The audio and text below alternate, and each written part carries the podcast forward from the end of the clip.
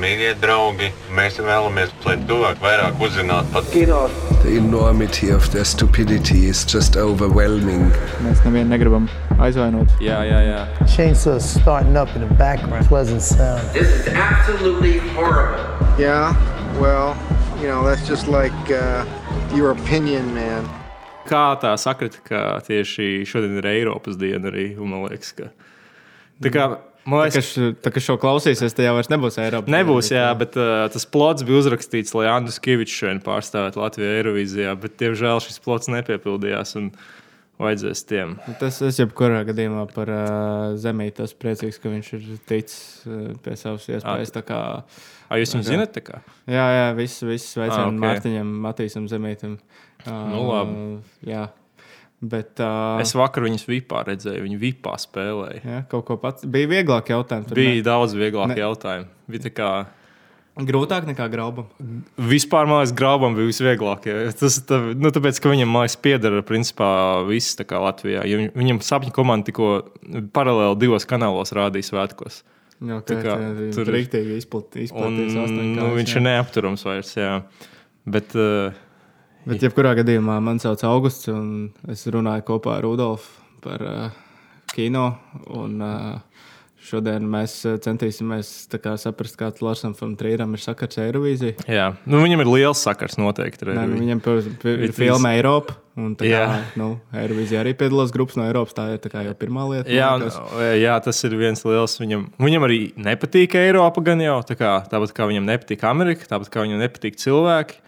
Un Eirovīzijā mēdz būt cilvēki, kuriem nepatīk Eiropa un Eirovīzija. Un es nezinu, tur var domāt mūžīgi tās līdzības. Viņas vienkārši viss tur eksistē. Nu, šī Dānis, ka man Dānija ir Eirovīzijas valsts, jā, tur viss. uh, Tur viss uh, sajiet. Un es tagad atceros, ja pirms mēs tā kā, ja pagājušajā mēs tā uh, pēkšņi vienkārši beidzām runāt. Mm -hmm. Mēs sajūtām, ka mēs varam tā kā Džilingers un Kavičs vienkārši beigt un cilvēkiem neko nepateikt. Jā. Bet uh, daudz kas ir mainījies. Mums ir uh, beidzot uh, intro un outro. Par to paldies uh, māksliniekam uh, DCO.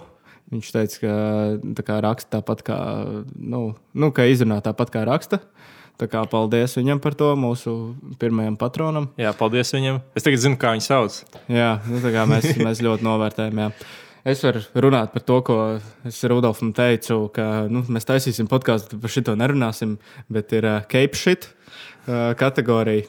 Uh, Marvelam iznākusi jauna filma, Galaktikas sargi, kas man bija laikam nu, nosprausts, ka būs mans atvads no Marvela. Mm. Un es gribēju vienkārši uz labas nots to izdarīt. Pabeigt. Tā ir patiesībā filma, kas uh, tapa pateicoties uh, cancel kultūrai. Jo tās filmas režisors James Gans, kā, nu, viņš dara savu lietu. Jā. Bet kāds atrod, ej, tu pirms uh, desmit gadiem Twitterī kaut kādu sūdu ierakstīji. Viss kā, un Disneys pasaka, nē, nē, mēs sūdu neatbalstam. Nu, tā kā viss, nē, mēs šito džeku vairs nesadarbojamies. Kas pa to laiku notiek? Tā kā DC ierauga, ka šis džeks ir brīvs. Nu, kaut ko viņš pateica, viņš ir nožēlojis to un tā tālāk. Un, uh, davai, nu, viņš uztaisīs Suicide Squad. Un, uh, viņš uztaisīs pie uh, DC Suicide Squad normālo versiju Jā. 2021. gada, kas Kas un, uh, un tad, uh, un tad kā Marvels ieraudzīja, what the fuck viņš pie konkurentiem aizgājis. un kā Mēs viņu gribam atpakaļ. Un uh, tad viņš beig, beigās, pateicoties cancel kultūrai, dabūja vienu filmu pie konkurentiem un vienu pie Disneya. Tā kā mm. noslēgt tos savus galaktikas sarakstus. Nu, tur un tur tagad Džeks jāmāk vispār, viņš vispār. ir jaunais kā DC Kevins Feigijs. Viņš tagad veidos DC Cinematic Universe, tā kā Marvels, es teiktu, nomirs un uh, nu, kaut kā tāda pēdējā Bet tā filma, es saprotu, ka bija normāli. Tas gārdi, nu, tā kā kaut kādās uh, Marvel kategorijās. saprotu. Nu, Viņa bija, viņa bija ok. Viņa, bija, viņa saprot, viņa tā kā spiež, spiež uz tām asarām. Es baigi neteikšu, kas tur notiek. Bet, uh, nu, Bet- film, bet filma izspiež. sākās ar uh, dzīvnieku mocīšanu un radiohead creep. Nu, kā, Ok. nu, loģiski, ka tev sāpēs. Bet uh, es teiktu, ka tur ir izveidota saikne ar tiem tēliem jau kopš pirmajām divām daļām. un Līdz ar to viņai ir kaut kādā ziņā kā neatkarīga no tā visa MCU. Un es teiktu, ka tur ir vēl nu, pēdējo reizi, ka ir tēli un uh, es nezinu, kaut kāds saturīgs stāsts pāri nu, visam pārējiem, ko viņi tagad pēdējā laikā ir darījuši. Ok. Ja pēdējā laikā man liekas, ka viņi vienkārši kaut kādas kvotas pilda un vispār ir aizmirsuši, kas tas Nu, ir. Viņiem, kā nav, jau, nu, viņiem trūkst virziens. Un... saturs vienkārši. Viņiem ir plāns un vienkārši jāizpild. Jā, bet no agrāk tas Padomju bija. Savienībā. Nu, agrāk, es teiktu, agrāk tas vismaz man bija īpaši, jo es Marvel filmas kā, nu, kopš Mm. bērnības skatījos ar Iron Man, tā kā sāku un ar Endgame. Un es teiktu, ka Endgame bija kā būtībā bērns tam visam, tā kā tāds atvedis no bērnības. Un pēc tam, nu, es teiktu, viss, kas sekoja, ir tāds atraugs. Man bija, nu, labi, vēl šito nostīsies, vēl šito. Bet Guardians, kā, nu, tas tāds cienījams noslēgums. Un es domāju, ka šajā podkāstā vairs par Marvel jūs baigi daudz nedzirdēsiet. Vienkārši. Mēs arī ieliksim timestamp droši vien, kad uz to brīdi, kad mēs sākam runāt par yeah. trījus vai kaut Nē, ko citu. nē, nē, man ir, man ir uh, ok, Marvels rip. uh, Es atceros, kas bija. Kaut kāda iemesla dēļ es redzēju pirmos Guardians of the Galaxy. Tā bija ļoti karsta vasaras diena. Man nepatika, es biju zālē ar diviem zviedru turistiem. Tas bija diviem, uh, diviem tādiem sirmiem zviedru turistiem. Neizskatījās, ka viņiem arī patīk, bet tā kā bija vasara, tad mēs to visu piedāvājām un devāmies tālāk savā darīšanās. Bet eh, tas, ko es redzēju, nesaistīts ar šo visu, bija. Es biju uz ļoti brīnišķīgu seansu. Eh, Es skatījos ļoti sliktu filmu, bet tas viss notikums bija labs. Jā, tas bija eh, kino lektorijas, kino muzeja kino lektorijas, tas, ko nedrīkst nezināt. Kas katru gadu atkārtojas, ko es vienmēr ļoti iesaku. Un tur rādīja, tur šogad ir eh, tēma, galvenā tēma ir mūzikli, un tur rādīja aizmirsto ļoti daudziem iespējams nezināmo mūziklu lielais dzintars Rīgas kinostudijas. Kas ir principā pasūtījuma filma, tāda Kri Krievijas centrālās televīzijas pasūtījuma, pasūtījuma reklāma filma par Latviju. Un Jūs varat aptuveni kā iedomāties, kāds, kāds, kāda hēra, nu jā, kāds sūds tas viss ir. Ir kaut kāda grupa, kurai jāierodas, mūzikas grupa, kurai jāierodas uz konkursu lielais dzintars, jāizstāv savus titulus, bet viņi kavē. Viņi kavē, un, viņi, un, bet, eh, un tajā brīdī, kad viņi kavē, viņi vēl atrodas lidmašīnā. Viņi lido uz to vietu, un viņiem zvana, kā, hei, jūs kavējat, te viss ir beidzies, mums tūlīt žūrija iet prom, un tad viņi iedzied kaut kādā, kaut kādā mistiskā, ķipa, kaut kādā rācijā, kas nezinu, kādā veidā ir savienota ar to vietu, kur tā žūrija sēž. Viņi iedzied, un it kā viss baigi labi, viss baigi forši, bet tas neskaitās. Tas neskaitās, jo tāpēc, ka jūs to darījāt no lidmašīnas, lai cik neiespējami būtu. Un nav arī teikts, no kurienes viņi lido, jo zinot to, kāds tas viss plots ir, šķiet, ka viņi principā lido no citas planētas. Un, okay.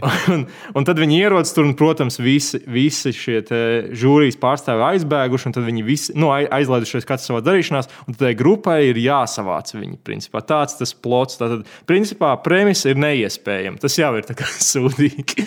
Un eh, arī, un arī tas, ka to filmu, tajā filmā, tur, nezinu, tur krievu aktieri tēlo latviešu, latviešu tur, ai, tur maiga arvīts. Ir krievu aktieri. Viņi bija tā kā pārunāti Nē, Latvijas viņi, nē, viņi nebija pārnāti. Viņi krieviski streit aprunāja.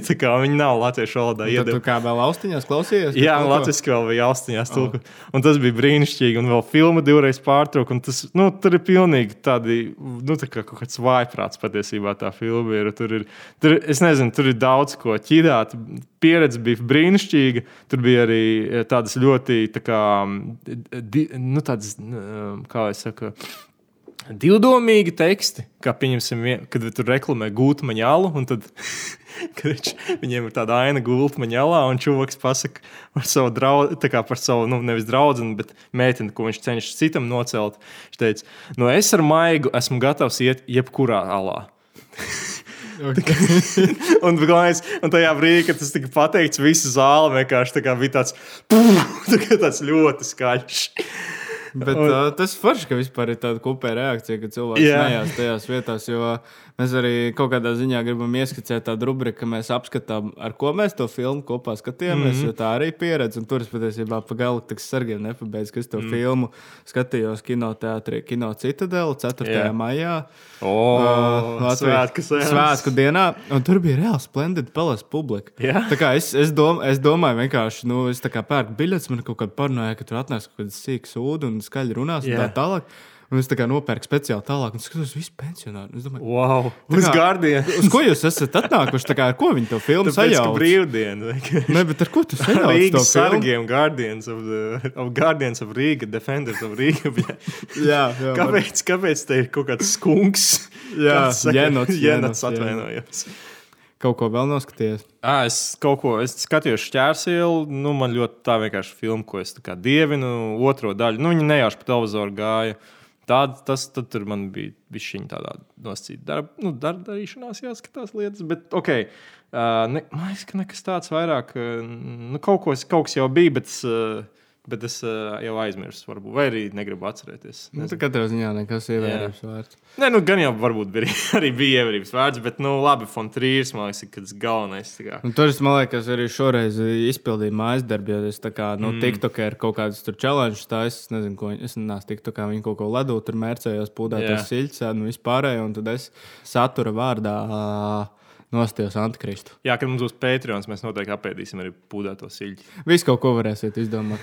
Mums ir, mums ir ar Rudolfu arī, man liekas, kaut kāda ieraksta, kur mēs bērnībā animācijas nometnēs esam kopā. Jā, Tad tie mēs varam vačalogus uztaisīt. es vispār gribu, es gribu dabūt tā kā digitalizēt to materiālu. Jā, es nezinu, vai es gribu redzēt, kas tur ir, bet jā, varētu, varētu būt interesanti. Bet uh, vispirms mē, mums baigi daudz palika vēl aiz strīpas pagājušajos. un tie Pirmie ir pieci ierobežojumi, Jā. kurus mēs tā kā, kā ir tagad Dāvidas šovā un pie Džilingera ir optibeta sadaļa. Jā. Jā. Mums šeit ir arī liela pateicība A1 films, kas kā pirmie mūs ieraudzīja Jā, jau pēc, E- jau pēc divām epizodēm. Vienam- Man liekas, tas būs pēc gada, ka kāds Jā. izplatītājs, bet mums jau pēc divām epizodēm Jā. uzaicināja. Viņi gan nav sagatavojuši jautājumu kaudzīt šeit. Mums nav tā kā. To varbūt nākotnē varam atstāt. Bet uh, ir, ir arī kaut kāds iespējas, tā kā mēs vienu epizodi ierakstījām, un uh, starp citu būs vēl iespēja dažas trījus filmas atkārtot, redzēt, mm. lielā ekrāna šķeļot viļņus, ka melanholiju un uh, trešo tūlīt varam pastāstīt. tumsā nebija? Dejotāji tumsā visdrīzākais, jā. jā. Tā kā tā, nu tad uh, pieci ierobežojumi, laikam, Rudolf, mīļākā tā ir filma tagad. Tagad es domāju, ka jā, nu, katrā ziņā. Es neesmu noskatījies vēlreiz Džeku, un uh, neesmu redzējis Nīfumānas otro, otro Tas daļu. ir pusi filmas redzējis īstenībā. Principā, jā. bet, uh, bet jā, man liekas, ka, man liekas, ka pieci ierobežojumi man mīļākā filma. Un vispār arī viņu laikam pat visneordinārākā. Un arī kā daudz cilvēku saka, tā filma, kur viņš mūs nečakarē. Lai gan tā, tur es nepiekrītu, jo viņš čakarē savu Nu, skolotāju. par ko tā filma vispār ir? Tā kā tur ir kaut kā. Ieskaties, nu, tas, nu, respektīvi, tā filma ir par to, kā Lārs Fontrīrs izaicina savu uh, skolu, filmskolas skolotāju Jorgu Letu uzņemt. Uh, Pārtaisīt savu filmu, uh, perfektais cilvēks, uh, katru reizi ar citādākiem ierobežojumiem. Un uh, tas viss, uh, es nezinu, kā viņš nonāca līdz tai idejai, kāpēc tieši Jorgs Lets, varbūt viņiem kaut kāda tur, viņi tur, nezinu, ragos kādreiz sagājuši, bet katrā ziņā, um, katrā ziņā trīs cenšas ar tiem ierobežojumiem panākt to, lai Jorgs uztais sūdīgu filmu. Nu, tā kā tā īsumā. Nu, lai atklājas, jo atklājas tā kā īstais auto, jo tikai sūdīgās filmās var atklāties tas cilvēka kaut kāda patiesā seja bieži vien. Mm. Nu, ja viņš iztaisa kaut kādu kļūdu vai ne tā sev parādīja, jo tur ir tā problēma, ka Jorgam. Uh, nu, viņš es, es taisīja tādu diezgan uh, ne, neemocionālu, atsvešinātu kino kopumā. Un, Fontri, un es pieļauju, ka Fontrīrs vienkārši pieņēma, ka viņš tā kā dirž visu laiku. Un, uh, un, uh, jā, uh, bet Tas ir būtībā, nezinu, kaut kāds uh, kultūras akadēmijas beidzējis Jānim Putiņam. Sūdi. pārtaisīt šo, nezinu, varmācības meditāciju, vai arī ko tur, vai arī vēl filmu par Elijahu Rīps degošais vēlreiz pārtaisīt par, par to matemātiķu. Bet, uh, jā, tas koncepts ir tāds, bet, uh, nu, vispār, es nezinu īsumā par Jorgu Lietu. Vispār uh, viņš ir, manuprāt, diezgan interesants personība. Jo viņš arī, es nezinu, man, man liekas, ka būtiski par viņu parunāt, jo viņš principā ir daļēji filmas režisors arī. Nu, kā viņš sataisīja visu to materiālu, ko Fotrīs Jā, izmantoja. trījus jau vienkārši kaut ko tur Viņš vienkārši pīs viņam smadzenes. Palicās bišķiņ kaut ko tur, kaut ko centās izspiest no viņa. Man patīk, ka tas Jorgs arī ar smaidu visu laiku to visu tā pieņēma. Tā kā, oh, God! Tā kā, oh. Bet viņš jau arī droši vien nu, nav tā kā nu, savā posmā un tā tālāk. Es domāju, ka viņš Jā. jau arī priecīgs par tādu izaicinājumu vispār ir. Jā, nu, jā viņam, viņam, mm, viņam bija ļoti daudz filmas eh, 60. un 70. gados. Viņš varētu patiesībā, manuprāt, vispopulārākais, tādā nu, popkultūrā vispopulārākais ir, un tu noteikti to arī zini. Ir, eh, ir, tāda, ir tāds fragments, kur eh, Endijs Vorhols apsēžās tādā, uz tādu tukšu fonu apēd burgeri. Okay, un tas ir viņš? Tas ir eh, Jorga Leta, no Jorga Leta filmas 66 Sainas no Amerikas. Oh, okay. Un, uh, un bija tā parodija, kur uh, šis Makalijs Kalkins to jā, jā, to izdarīja. es arī zinu. Bet zinu arī oriģināli. Jā, jā. Jā, un tad uh, viņš to filmu uztaisīja. Tā filma viss tāda, principā, tāda, no sastāv no tādām īsiem, īsiem kā nekādiem gabaliņiem, veidojot tādu mozaiku Amerikas. Un patiesībā viņš, man liekas, bet pašā Dānijā, es nezinu, cik viņš ir populārs režisors, bet viņš ir populārs, es domāju, noteikti ļoti atzīts uh, un zināms. Viņam tāda, es teiktu, pat kreipāna līmeņa, Anatolija kreipāna līmeņa slava varētu būt, ja viņš ir sporta komentētājs, uh, riteņbraukšanas komentētājs Tour de France. Turklāt, laikā, kad viņiem bija arī Tour de France uzvarētājs, līdz ar to es domāju, ka kādiem ļoti daudziem cilvēkiem viņš ir kaut kāda ļoti nostalģiskām atmiņām, varētu būt tas nevis kā Fontrīrs ar traumatiskām. līdz ar to. Bet es teiktu, ka šī ir viena tāda, man liekas, ka pēc visām dejotājiem tumsā šķeļot viļņus. Un Dogvils, man liekas, ka Trīrs caur šo filmu beidzot nu, skaļi pasakā to, ko citi par viņu jau kādu laiku ir domājuši. Jā, viņš patiesībā ir diezgan, nu jā, viņš pat, ā, pat atzīstās kaut kādā ziņā. Mm. Ceļš beigās, kur viņš, nu, ķipa, nu, tam letam tā arī nesanāk uztaisīt to sūdīgo filmu. Nu, tajos, zinot, cik maz laika viņam bija dots. Un viņš tā kā, viņš tā kā pieņem, ka patiesībā, ok, varbūt es vienkārši esmu loks, ka es izdomāju, ka viņš nu, slēpjas. nu, mm. tas, un tas, un man liekas, tas arī ir par to, ne tikai par nu, kādu filmu veidošanu, bet arī par to, ar, par nu, izpratni par to, kas mēs esam par uh, tur, nezinu, cilvēkiem. Man Kārls tikko parādīja roku, es vienkārši pazaudēju viņa domu, bet es sapratu, gan jau. Man varētu ļoti interesants darbs. Interesants arī, ko skatīties. Nē, man- nu, jā, tur ir tādā ziņā, ka vienkārši tā doma ir, ka, jā, ka tu nevari uztaisīt uh, sūdīgu filmu. Būt- Nu, ka vismaz viņi, nu, ka viņiem visu laiku viņiem iedos it kā primitīvu uzdevumu, yeah. bet viņi visu laiku atradīs veidu, kā to laust. Tas ir man liekas, ļoti forši skatīties, kā viņi iet tam cauri. Kā arī iet tam procesam iero- cauri, jā. Ierobežojumi tiek lausti. Jā, jā, jā. Bet, nu, nu, manuprāt, manuprāt, tā arī ir filma, kas ārpus kino strādā. Nu, jo tu pats vari domāt par, se, nu, par sevi kaut kādā ziņā, kā, nu, arī tā perfektā cilvēka kontekstā. Nu, kā, nu, kas ir perfekts? Nu, kā, kas ir perfektā manis versija? Vai, arī, nu, kā, kas ir tas autentiskais es? Un, arī nu, tajā filmā cilvēki to centās kaut kā rādīt, bet visiem nu, bija nobīdis jebkurā gadījumā. Ok, labi, es domāju, pietiks ar tiem pieciem ierobežojumiem, jo tālākā filma ir vēl lielāks prikals, kas man liekas, ir possible.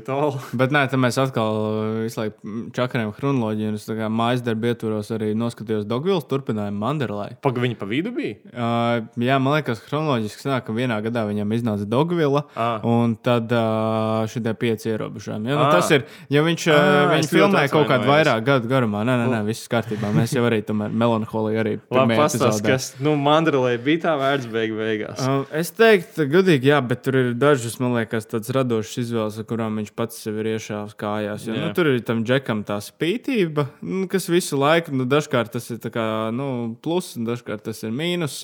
Un šajā gadījumā, nu, spoilers Dogvilai, šī nākamā daļa arī ir pa greisu.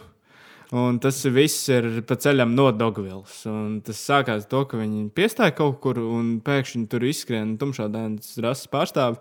Un uh, saka, mēs esam vērgi, viņi mūs tur moka un tā tālāk. Un viņai, viņa pēkšņi vairs nav tā naivā, jaukā meitene, kas pasaulē redz tikai labu.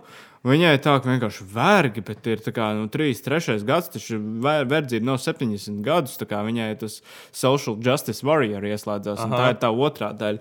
Un šeit es izceltu pirmo trūkumu, ka man liekas, ka viņi varēja, nu, tā varēja nebūt greisa. Jo nu, tagad tā bija šī haotiska sanāk, ka tā nav Nikola Kidmana. Tā Jā. ir cita aktrise. Nikola Nicole Kidmana pēc Kidmana. Dogvils. Nu, Viņa viņa izlēma- ska, skaļi saka, ka tie ir kā scheduling, kā grafika nesakritības, bet, uh, bet nu, man liekas, ka viņai tas pats, kas ir Viņa, Bjorkai viņa izlēma piedalīties sentimentālākos projektos, kā Eiro- Eirovīzijas tīra projektos. Labi, es Jā. atvainojos par šo cenšoties pievilkt. Viņa, jā, man liekas, ka viņu Eiropa aizbiedē. Jā. Un, uh, Fakta ap Eiropu. Nē, ah, bet viņa aizbrauca uz Austrāliju. Austrālija piedalās Eirovīzijā. Jā. Okay. Nu, Ok. tad redz, re, kur ir. Jā. Viņi bija ar Hugh Jackmanu pēc tam 2008. pie Baza Lurmana aizgāja. Kā, nu, arī kaut kas funky, bet man liekas, ka tur tas nav, tā pieredze nav tik smaga. Mums vienkārši ir pistola studijā. Šobrīd uz mums tēmē, ja mēs nepieminēsim Eirovīziju, tad, būs, visticamāk šis podkāsts beigsies. Jā, nu, cilvēki arī vienkārši nu, grib dzirdēt atbildi, kāds trījums sakars ar Eirovīziju. Jā. Mēs solam šo atbildi. Jā, nē, nē, nu ir, ir kā, nu, pagaidām mēs sniegsim viņa epizodes beigās, manuprāt. Nu, Jā, bet nu, tad turpināt par Manderlai tur tā problēma ir, ka, nu jā, ka to pašu tā, ko iepriekšējā filmā atveidoja Nikola Kidmana, šoreiz atveido Brūss Dallas Hovards, tā. Rona Hovarda meita, kur tā kā labi O, es tiek, viņi labi tiek galā ar to uzdevumu. Trīs intervijā pateica, ka viņi tiek pieņemami galā. Tas ir, es domāju, ļoti iedrošinoši priekš aktrises. Nu, kā, kāds bija tavs sniegums? nu, pieņemams, jā, jā. Ļoti, ļoti forši. Zolīts, zolīts. Jā. Bet, uh, nu, jā, es, no es, es teiktu, ja vienkārši viņš, viņš varēja saglabāt to konceptu, viņš varēja tur turpināt dirzt Amerikai. Viņam ir tiesības izteikties. Vienkārši, nu, priekš kam tai vajadzēja būt greisai, tai varēja būt cita aktrise. Viņa man liekas, ka arī pat vecuma ziņā piemērotāk tai lomai. Un, tā kā Nikola Kidmana tomēr izstāsta jau nu, kaut kur tur trīs- starp 30 un 40, viņa tāda nu, 20 gadu. Ah, nu, Un ir. tēvs arī James Kants bija iepriekšējā daļā. Uh. Šitajā ir uh, Vilams Defoe. Uh, Vilams Defoe jā, piekrīt tā, tā viņiem vienkārši. sākās tā sadarbība. Jā, jo James Kants tā kā, uh, viņš tā teica, nosties Dogville, un tā, kā tā filma tāda ļoti anti-amerikāniska. Viņš teica, bet es esmu tā kā pro-amerikāns. Lai iet dirst tas trīrs, jā. Džeims, es varu iedomāties, kā viņš to saka. Viņš baigi krūtēs čoks bija, manuprāt. Vie, viegls smilts, Jā. nesen aizgāja. Um, bet jā, ar to Mandelai man ir tā, ka jo es vairāk par viņu domāju, man viņa patīk. Un, jo tas ir tāds, uh, Tas ir nu, labi, arī tā ir tā, filmas zīme tā, tā ir arī tā kā, nu, kaut kāds kā, emancipācijas stāsts, skatās par to verdzību. Jo uh, parasti visi, visi tie verdzības stāsti tomēr beidzās ar kaut kādu nu, cerību. Vismaz jā, amerikāņi taisīs. Nu, viņi ir izrādās briesmas, tu visam tam izai cauri, bet tā kā ir nu, kaut kāds stāsts, ka, nu, ka būs labāka diena. Vai nu, tā kā Django un Chain, kur vienkārši tik streitā patriept. Jā, kur vienkārši viss. Jā, Bet tā, jā, šai jā. filmai ir bijusi cita doma, ka tur ir tā, ka viņā, nu, saprot, nē, nu, man viņas ir jāatbrīvo no tās verdzības. Bet tad kaut kā viss tā stāsta gaitā, nu, sāk atklāties, ka varbūt tā, kā tā verdzība ir nu, izvēle. Ka varbūt viņi argumentē to, ka labi, varbūt viņi likuma priekšā vairs nav vergi, bet ka sabiedrība nav tam gatava. Jā. Un ka varbūt ir vieglāk, lai paliek tā, kā ir. Es, protams, šeit nekāds mans personīgais viedoklis par to situāciju nav, bet tā filma ļoti sarežģīta procesam pieiet. un Vienkārši skatās uz to, kāda būs sabiedrības reakcija, ja pēkšņi nu, tumšādainiem būs citādākas tiesības. Bet, Ok. okay. nu, šai, šajā jautājumā es nezinu, es labprāt ā, vienkārši gribētu par to filmu dzirdēt Džordža Stīla viedokli. Jā. Jo nu, tie titri arī, jo, jo zin, kā vienkārši tajā filmā vienā brīdī pasakā to frāzi, nu, ka cilvēki nu, nav gatavi tam, ka tumšādainiem būs tiesības. Viņi nav tam gatavi tagad, viņi nebūs tam gatavi 33. gadā, un viņi tā saka, viņiem nebūs gatavi tam arī pēc simts gadiem. Un es kā domāju, nu, verdzību Amerikā atcēla kaut kad 19. gadsimta 70. laikam vai kaut ko tādu. Uh, es Un, neatnesu. nu, jā, nu, tagad ir pagājis kaut Es kāds zinu, ka laiks. dzimbūšana ļoti vēl atcēlās. Es vairāk tajā jautājumā. Jā, nu, mums, mums arī jā, tas laikam Latvijā Jā, nav bijis tik nu, es, aktuāli. es piemēram gribu reparācijas, jo es zinu to. Es zinu, ka Indriķim un Annai, maniem senāk apzinātajiem senčiem, tika atņemti Jāņi. Jā, vienu gadu. Tas, tas ir dirsā, jā. Vai cik tur gadus. Tā kā Es par to vairāk uztraucos. Ļoti atv... Es, es pieņemu, ka es neesmu tāds globālists. Jā, jā, bet, nu, jā, pa, pabeidzot vienkārši par to mandarlai, nu, ka tur vienkārši tur pasaka to frāzi, nu, ka cilvēki vienkārši nav gatavi tam, ka tumšādainiem būs kaut kādas tiesības. Un tad domā, bet, nu, nē, viņiem ir tās, nu, viņiem tas tagad ir ok. Un tad sāk rādīt tos titrus. Jā, un tur ir atkal, atkal titri. Ā, tā kā tas pirmajā, Bush, jā. jā, nu, pirmajā daļā bija tas, ka titros rāda tā kā vienkārši trāša amerikāņi. Jā. Tā, kā, tā filma, es teiktu, nu, ka viņi ir anti-amerikāņi, bet, nu, viņi ir tā kā, es nezinu, tikpat labi par Krieviju varētu būt. Jā, jā. Un, tā kā, jā. uh, bet uh, ar, ar šito te daļu, jā, viņi tur titros vienkārši sāk rādīt Kukluks klānu, Mārtiņu Lutheru Kingu, Malcolm X un tā tālāk. Un tu tur arī atceries Džordžu Floydu un saproti, nu, ka tiešām nu, joprojām liela daļa Nē, nu, ir. Nu, protams, es neteiktu, es, protams. nezinu, es nevaru procentos mērīt, bet nu, nav Nē, no, daudz vēl. naids kā tāds nu, nekad ne, tādā ziņā netiks izskausts. un Bet tas, bet tas jau arī ir ieaudzināts. tas ir ieaudzināts, teiktu, un nu. uh, rasu arī tas ir baigi grūti. Nē, nu, es gribu domāt, ka viņš labāk paliek tomēr. Bet, nu, jā, Džordžs eh, Floyds tomēr nu, visu Black Lives Matter. Tas bija pirms diviem apskatu- gadiem. Nu, Skatoties uh, karaļa Čārlza kronēšanas koncertu, liekas, ka viss jau gandrīz ir labi. Bet...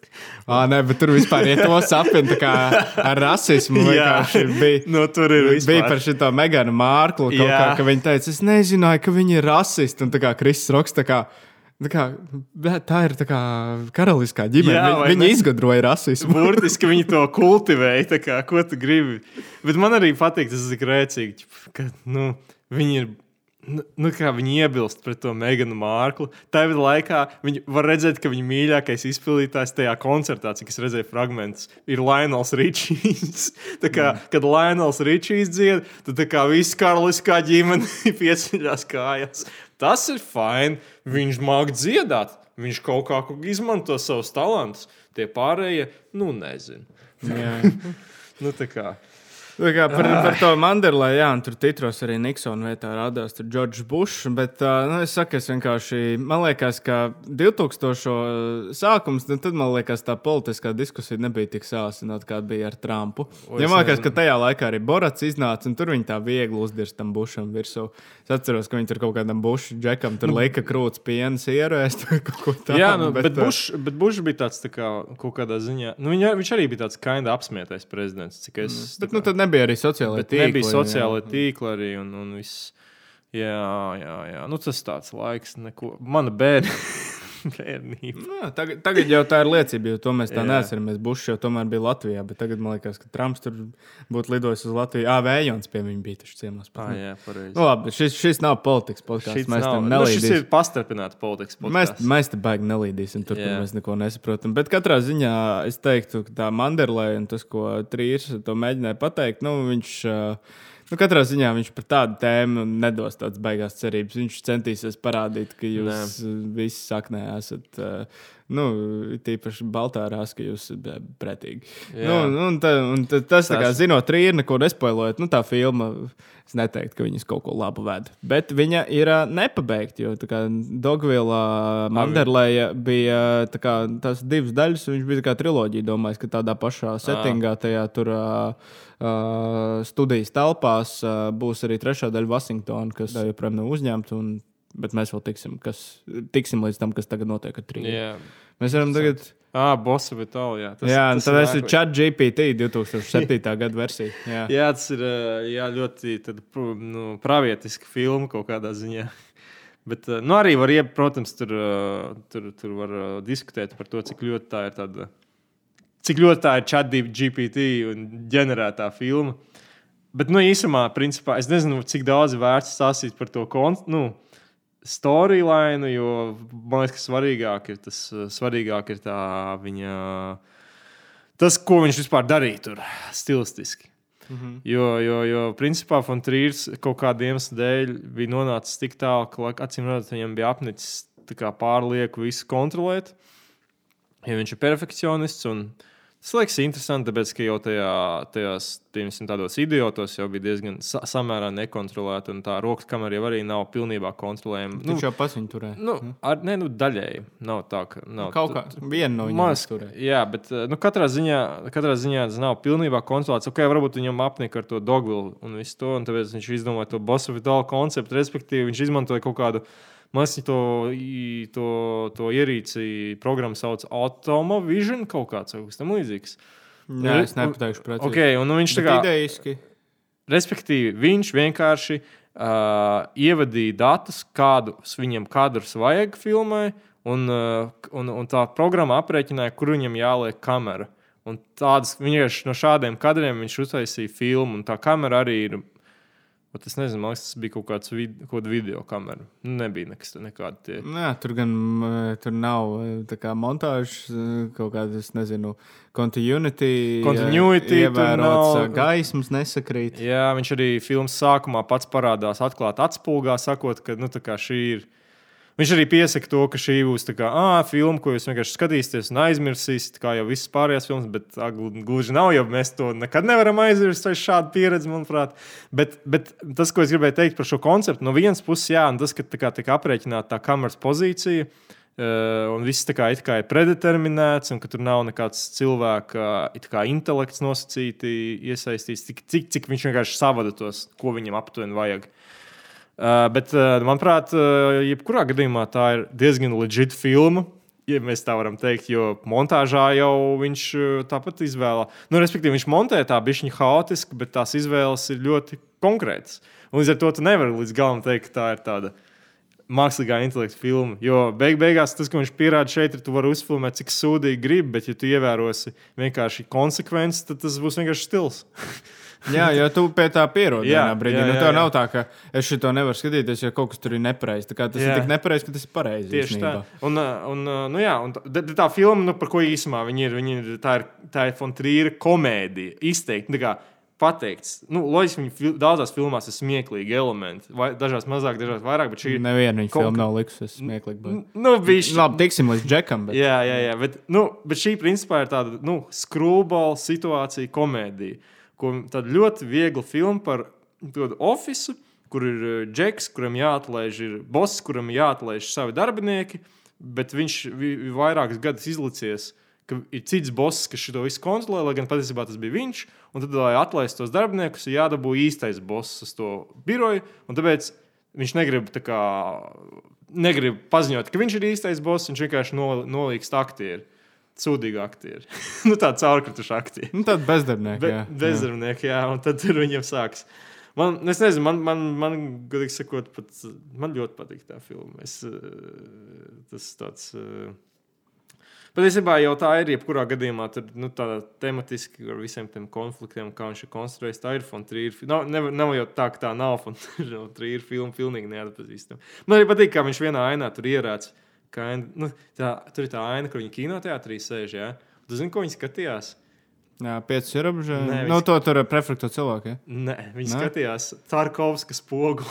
Viņi skatījās, tar, viņš tā kā tādā trash filmā, nu, tādā pilnīgi sūdīgā kaut kādā setupā ieliek fonā iet spogulis, kas man liekas, nu, tā kā viņš prikolējas. Jā, tu, kas tev par to filmu sakās? Par Tarkovskiju kaut kāds sakars. Nu, Tarkovskis ir no Krievijas. Un tā kā Krievija līdz karam uh, Ukrainā arī piedalījās Eirovīzijā. Ah, jā, tā kā, starp citu. Bija Lazarevs un viss pārējais. Un, uh, atceramies vienmēr Eirovīzijā brīnišķīgo performanci Krievijas. Nekad neaizmirsīsim Pļuščenko slidojumu. Jā. Tas Jā, ir neaizmirstams. Viņš, jā. viņš jau arī bija Eirovīzijas tajā Fire Saga. Tur jau arī bija Krievijas ļaundars. Tas jau tā, man liekas, klasika visās amerikāņu filmās. Ir. Ah, jā, Krievu Tā kā- ļaundari, jā, Bet, bet, jā, šajā te, à, nu jā, Bosa te jau arī mēs varam uh, savilkt Eirovīzijas filmā. Galvenajam varonim vārds ir Lārs. un tā kā Jā. un Ir režisors Lārs un Trīs. Lārs, Tā kā jā. rekur, vēl, vēl viens sakarīgs. Jā, jā, jā, jā. Bet, uh, ne, par, Bet tas ir tikai mozaīkas gabaliņš. Beigās būs liela atklāsme, kāds ir sakars. Jā, Jā, mēs, kā- mēs noteikti izdomāsim. Jā, jā, līdz tam. Bet uh, par uh, šo filmu es arī varu tikai uh, pievienoties tam, ka tev ir vienkārši jāpieņem tie spēles noteikumi. Un, uh, Un jā, tev būs līdz- rēcīgi tad arī. Jā, jo man liekas, ka. Ja, Jo, ja man liekas, ka tu, tu pat sākumā nu, jau sāc vienkārši pie tā visa pierast. Man nebija tā, ka man pat patiesībā vajag pieņemt, ka tā notiek. Jo, nu, tā filma sākās ar to, ka trījus brauc augšā un pasakā, nu, Jā. ka šis būs dīvaini. Jā, viņš tā kā pasaka, ka, basically, nu, ja jūs gribat, jūs varat iet ārā tagad. Nu, tā kā, Viņ, viņš arī ļoti Jā. labi saprot kā, savu skatītāju tā kā, to uzmanības ilgumu. Viņš vienā Jā. brīdī pasakā, nu jā, tagad drī... viņš atkal pēkšņi randumā parādās. Viņš pasakā, nu šai filmai drīz vajadzētu beigties. Tā kā, vai ne? Jā. Man ir tāds jūtas, ka jā, arī vajadzētu. Jā, Un Labi, tā nu, tad ejam uz tām beigām. Jā, tev vajag kaut kādu pauzīt. Tā kā, nu, man liekas, ka viņš ir tiešām tas uh, retais džeks, kurš tā kā, nu, saprot, ko viņš Bet, dara. bet viņš arī kainda ierāda, nu, tā kā ierāds pa visu to, nu, tā kā, nu, ka viņš saka, ka jūs aizmirsīsiet gan jau šo filmu. Nu, par to fakts, ka visas pārējās Fontrīra filmas, nu, viņas ir neaizmirsīsies. Nu, cilvēki nevar no savas psihikas izdzēst daudz no viņa filmām, lai kā gribētu. Un tad viņš pasaka, nu, jā, jūs gan jau šito, nu, tā kā nu, šis būs tāds viegls gabals. Lai gan tas gabals, godīgi sakot, aiziet, es teikšu tā, nu, tas, šī filma ir tāda Fontrīra filma, ko es teiktu, ka ir uz spektra. Bet, uh, nē, vienkārši arī šeit tas, ka viņi it kā ir komēdija, bet uh, tu arī, nu, tu viņu drīzāk atcerēsies tā formāta dēļ, jo viņi mm. tik ļoti atšķirsies. Es arī atceros kaut kas, liekas, Dītrēta un Normans Nalmans uh, pieminēja, jā, ka viņš pa vidu tur uztaisīja kaut kādu aizmirstamu komēdiju. Nu, es neteiktu tiešām, ka Es viņi ir uh, aizmirstami, jo tu tiešām arī pēc tam pieciem ierobežojumiem diezgan tāds sakarīgs turpinājums, ka viņš arī ķipa mēģina taisīt tā kā to standarta nu, studijas lēto komēdiju un tā tālāk, bet nu, tā nav. Jā, nu, arī, ne, nu, viņai arī vienkārši exposures nebija toreiz tik liels. Jo, nu, ja katra fontīra filma ir tur, nezinu, kanās, nu, labi, pēc, viņa, pēc tā viņa izteikuma Berlīnē. Jo Kanās viņš nevarēja būt. Nu, viņas visas ir. Tur viņa, man liekas, bija. Nu, ja ne Rotterdams, tad Lokarno. Nu, nu, respektīvi, ne, ne top 3 festivālā. Un līdz ar to nebija tas eh, publicitāte tāda. Un, bet skatoties tādā retrospektīvā, nu, nu, man liekas, ka viņi liekas ļoti interesants darbs. Loģiski, ka tā kā, kaut kā nu, tā hype ziņā, kas ļoti būtisks brīž, brīdī, kad filma iznāk, loģiski, ka viņi varētu būt. Bet viņiem arī, es domāju, ka vajadzēja atslūdzējumu. Man liekas, ka chronoloģiski Viņš teica- sanāk starp Manderleju un Antikristu. Un tur Jā. vidū vajag komēdiju. Viņš arī, viņš arī toreiz sāka par to depresiju, runāt, ka viņš ir super depresīvs un tādā garā. Tā kā, Bet jā. es, nu, tajā piecos ierobežojumos atgriežoties, nu, viņš tā kā dzerš ņem 12 Jā. pa dienu. Nu, tad, tad, jā, ir. Jā, es atceros, Putniņš tieši minēja, ka, šo, ka depresija šajā filmā ir ļoti būtisks faktors, jo šī alkohola pudeles nav tāpat vienas galva. tā kā kaut kas tā bija tur. Nu, Bet tad, kad viņš tiešām savā mākslā sāk eh, to depresiju vairāk tirzēt, un tas jā. ir ar antikristu, Jā, kuru. es jā, nenoskatījos, tagad augusts vai dod vaļā. Nu, es neko tik uh, īpašu gan jau ka nepateikšu, ka nu, es biju vairāk nobijies. Okay. Bet es teiktu, ka es biju nobijies no tā, ka es atvainojos, ja šis ir spoilers, bet tur nogriež klitoris. No tās daļas bija nobijies. Tu viņu biji redzējis, bet- liekas, kādreiz. Bet, jau. jā, bet es visu laiku gatavojos, ka būs tā vieta, un es aizmirsu, ka tur arī ar dzimumu locekli notiek. Ne tas pats labākais. Un uh, tā vietā es nebiju sagatavots. Tad man gan bija tā aizmirsis. retā reize, un, tam bija, un tad bija tā, ka tas notiek vispirms ar to dzimumu locekli. Un, uh, un tad uh, pēc tam, labi, es šito jau esmu redzējis, labi, es varu uz to klitoru pastīties. Nu, tas tāpat taču ir CGI. Nu, viņš, protams, kā Anna intervijā pateica, yeah, we only did it once. jā, jā, jā, tas ir vienkārši. Viņam vajag to. Bet nu, tur ir kaut kas vairāk par pimpu un vagīnu. Kas? Jā. We only did it once, var teikt, arī Latvija sakarā ar Eirovīziju, jo mēs tikai vienreiz esam uzvarējuši Eirovīziju. Jā, Atceramies šo. bet uh, tur, tur arī tas sakars laikam beidzās, jo nu, Antikrists, uh, nu, viņa, nu, es, es apbrīnoju to montāžu. Tā filma sākās ar uh, bērnu izkrišanu pa logu un seksainu. Un tieši orgasmu brīdī tas bērns izlido pa logu ārā. Stulbi. Un tur, ir, un kā, tur vēl ir paralēli vēl ir detalizēts kadrs, kā iespējams dubliera vai pat jā, varbūt arī Vilnius Defo dzimuma loceklis iet iekšā. Nu, tā ļoti detalizēta. Man liekas, ka viņi ir kā, nu, es labi neņemot vērā, kas tieši tur tajā filmā tiek parādīts, bet nu, es teiktu, ka vizuāli tā ir viena no skaistākajām trījuma filmām. Bet, uh, nu jā, tur viņš sāk apskatīt tās depresijas un sēras, bet uh, es gribētu teikt, ka tā situācija, nu, tas ir kaut kas, no kā daudz cilvēku baidās, bet man liekas, ka procentuāli tik daudz cilvēku nu, nav to pieredzējuši, kas tur notiek. Un es to ne- nenovēlu, man ir ļoti žēl tiem, kuriem tas noticis, bet kā, nu, man liekas, ka nu, tas bērnu zaudējums, un it īpaši tādā veidā, nu, tas man liekas, ir viena no sliktākajām Ok. okay. lietām, kas var notikt. Un, uh, Pēc tam es vienkārši, es, nu, tur ir ļoti interesanti kā, ar to visu spēlēties, kā viņi ar tām sērām tiek galā. Mm -hmm. Un tas ir vairāk pārvēršos par to, ka Vilnius Defo viņš ir uzņemās terapeitu lomu, un viņš vairāk palīdz tai Šarlotai Gainsbūrai. Viņiem arī nav vārdu. Viņš ir Hiena šī tajā Mhm. filmā, tā viņi saucās.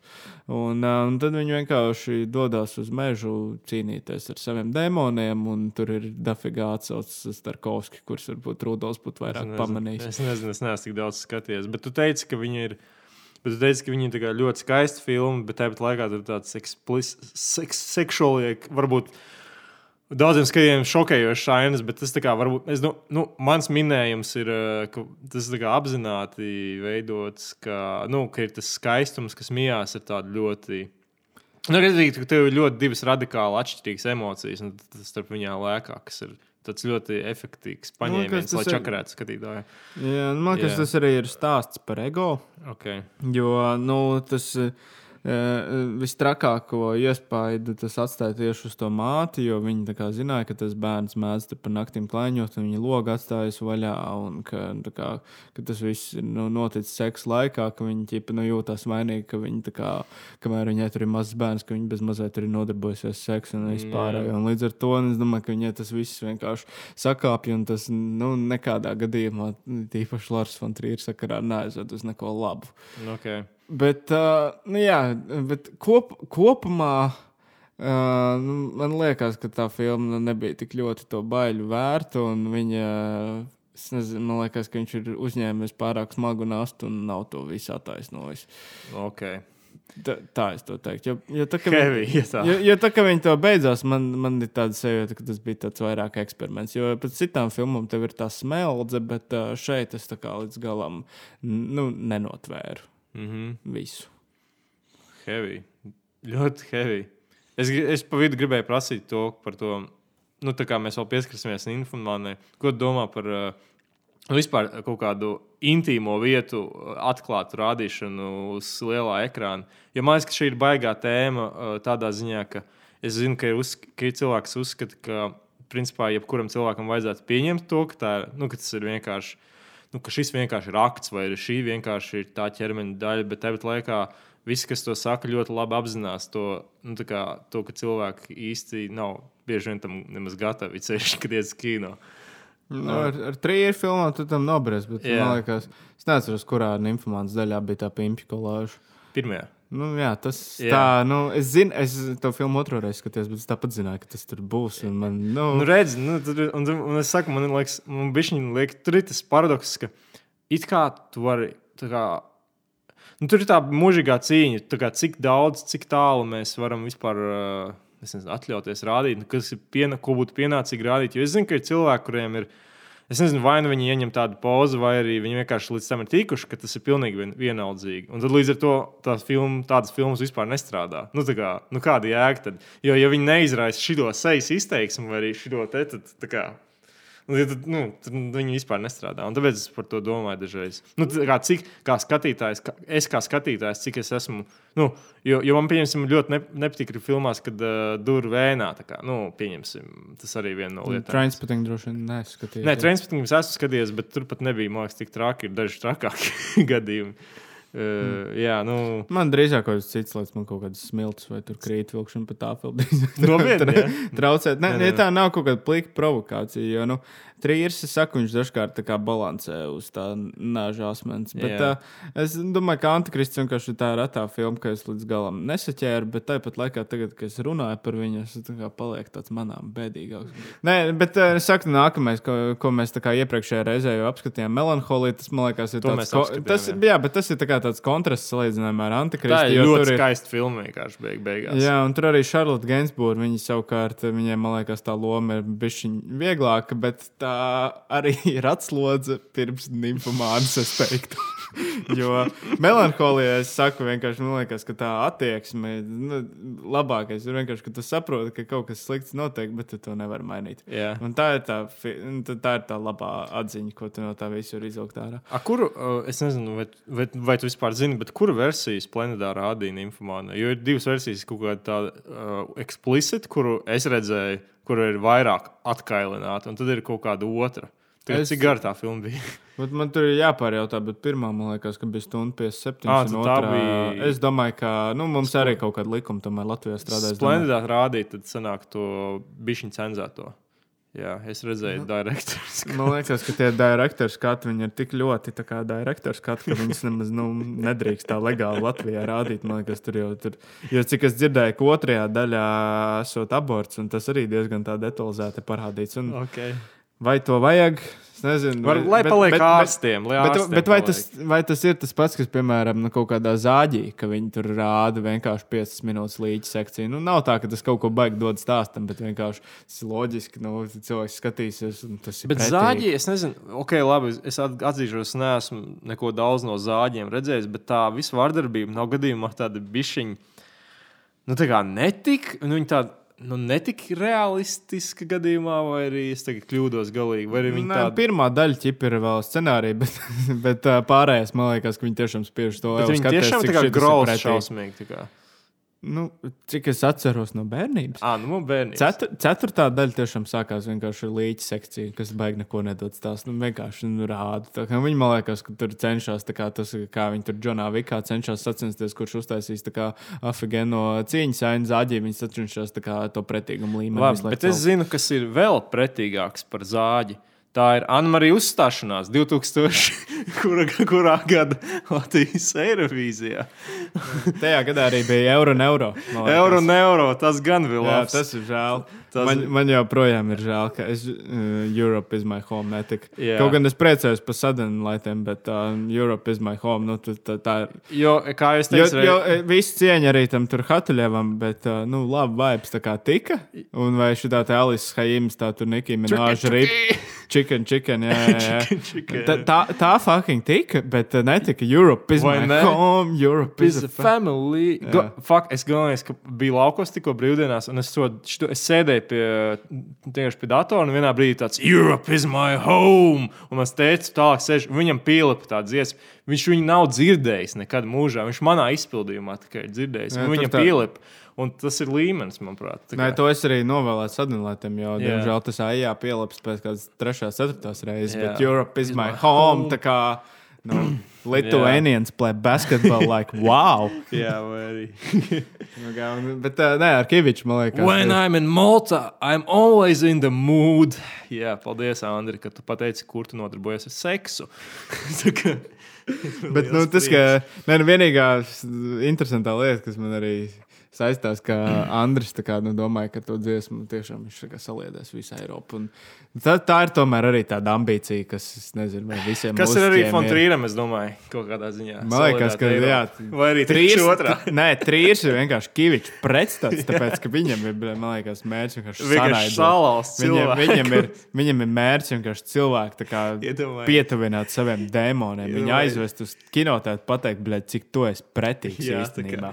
Nē, tas ir man kas, ko Andris Keišs kaut kādā intervijā pateica, ka tā kā uz teātri iet vienkārši nelaimīgi cilvēki pārdomā to, kāpēc viņi dzīvo tā sūkā. Vai... Jā, Nu, tas tā ir pārfrāzējot, pārfrāzējot. Tas nav ne, nu, tieši viņa Tas jau vispār, man liekas, bieži vien tā, kā, nu, tā māksla ļoti reflektīva. Bieži vien tāda, manuprāt, vislabākā. Bieži vien. Un tu tā kā, Tā, tāpēc man arī patīk, piemēram, Splendid Palace skatīties, jo tur tā pārsvarā zālē bija cilvēki, kuri arī ir tā kā tajā kolektīvajā pieredzē ar tevi, kas skatās to filmu. Līdz ar to tu vari kā brīvi koncentrēties uz ekrāna, redzēt, ko trīs komunicē un kaut kā vilkt paralēlus ar savu dzīvi no visa. Uh, kaut gan bija daži izņēmumi. Nymphomānai man uh, blakus sēdēja kaut kāds uh, džeks, man liekas, kas, nezinu, kas dzīvo mežparkā un kaunās par to. Viņš sirdī ir sociālists, bet uh, nu, viņam vajag ķip parādīt, ka viņš ir inteliģents. Viņš atnāca uz Lārs un Trīs filmu, bet pēc- viņam, viņam fucking garlaicīgi bija. Viņš ik pēc piecām minūtēm telefonu vilka ārā. tas apraksts izklausījās pēc kaut kāda komunistiskās partijas biedra, godīgi sakot. Nē, tas kaut kāds jaunietis, kas Ā, varbūt jaunietis, sird, ok, labi. sirdī kreis. À, viņam, à, bet, uh, tādā ziņā soci... es jau vispār es jau par citiem sociālistiem. Jā, bija, bija vēl kaut kāds uh, džeks, kurš man uh, sēdēja blakus uh, dejotājā tumsā. Viņš uh, tā skatās filmu, bet tiklīdz kā Bjorks mu- muzikālais numurs, viņš izvelk telefonu, skatās, cik vēl ilgi, cik vēl ilgi. Nu, jā. Ah, un vēl. Tagad par melanholiju mēs jau izzinājām, bet, ja mēs tā kā visu laiku ieskicējam to rubriku, ar ko mēs skatāmies filmas kopā, manā melanholijā vispār manā vietā bija iesēdies uh, kaža. Jā. Nevis Matīs Kažs, bet, Bet uh, no Juris? Walters. un Ā. Kažs. Jā, jā, jā. tā. War is not over. Jā. Un, uh, jā, nu, samainījāmies, viss kārtīgi, džentlmenis. Bet uh, nu, mēs skatāmies filmu, tur tā Wagner mūzika skan, un viņš bija dziedāt līdzi. Sāk. Man ir vienkārši, es viņu skatos, bet vecais, nu tā kā, nu nē. Nu, nē Kora puš. partija kaut kāds. Nē, nu vaibo līdzi Jā. mūzikai, bet nu, tā ir tā splendida palastā. Izolda. A, Kā viņš zina, kas tur ir vispār? Viņš tik labi pārzina to operu. Interesanti. Nu, nē, viņš jau Eiropā parlamentā strādā, viņam Labi, kā inteliģents džeks. Bet, Labi, labi. Nezinu, varbūt kādreiz uzaicināsim. Mikls Dukur arī jāuzaicina. Viņam arī filmas patīk. Viņam ir Mik Miks Dukurs, Fontrīrs sakrā. Mikls Dukurs arī ir Eirovīzijā. Jā, starp citu, viņš ir bingo. viņš, starp citu, ir. Viņam taču arī tagad saka, ka viņam baigā depresija ir. Tā kā Fontrīram. Jā, reku vēl viens sakars. Lai, Dukurs- lai viņš veseļojas. Jā, tieši tā. Bet bija traki, viņš vispār izskatījās pagājušā gada supernovā, kur viņš bija. Viņš ritīgi, viņam gāja ciet. Bet, nu labi, varbūt. Bet man liekas, ka vajag arī kaut kādu kampaņu, jo viņš arī tēmē uz Rīgas un Kaviča skaitļiem. Varbūt viņi arī kādreiz vienkārši ir automātiski jāplēš. Nu, varbūt. Labi, kas ar to nymfomānu bija? Nymfman Rudolfs, viņš ir vispār pusi filmas redzējis.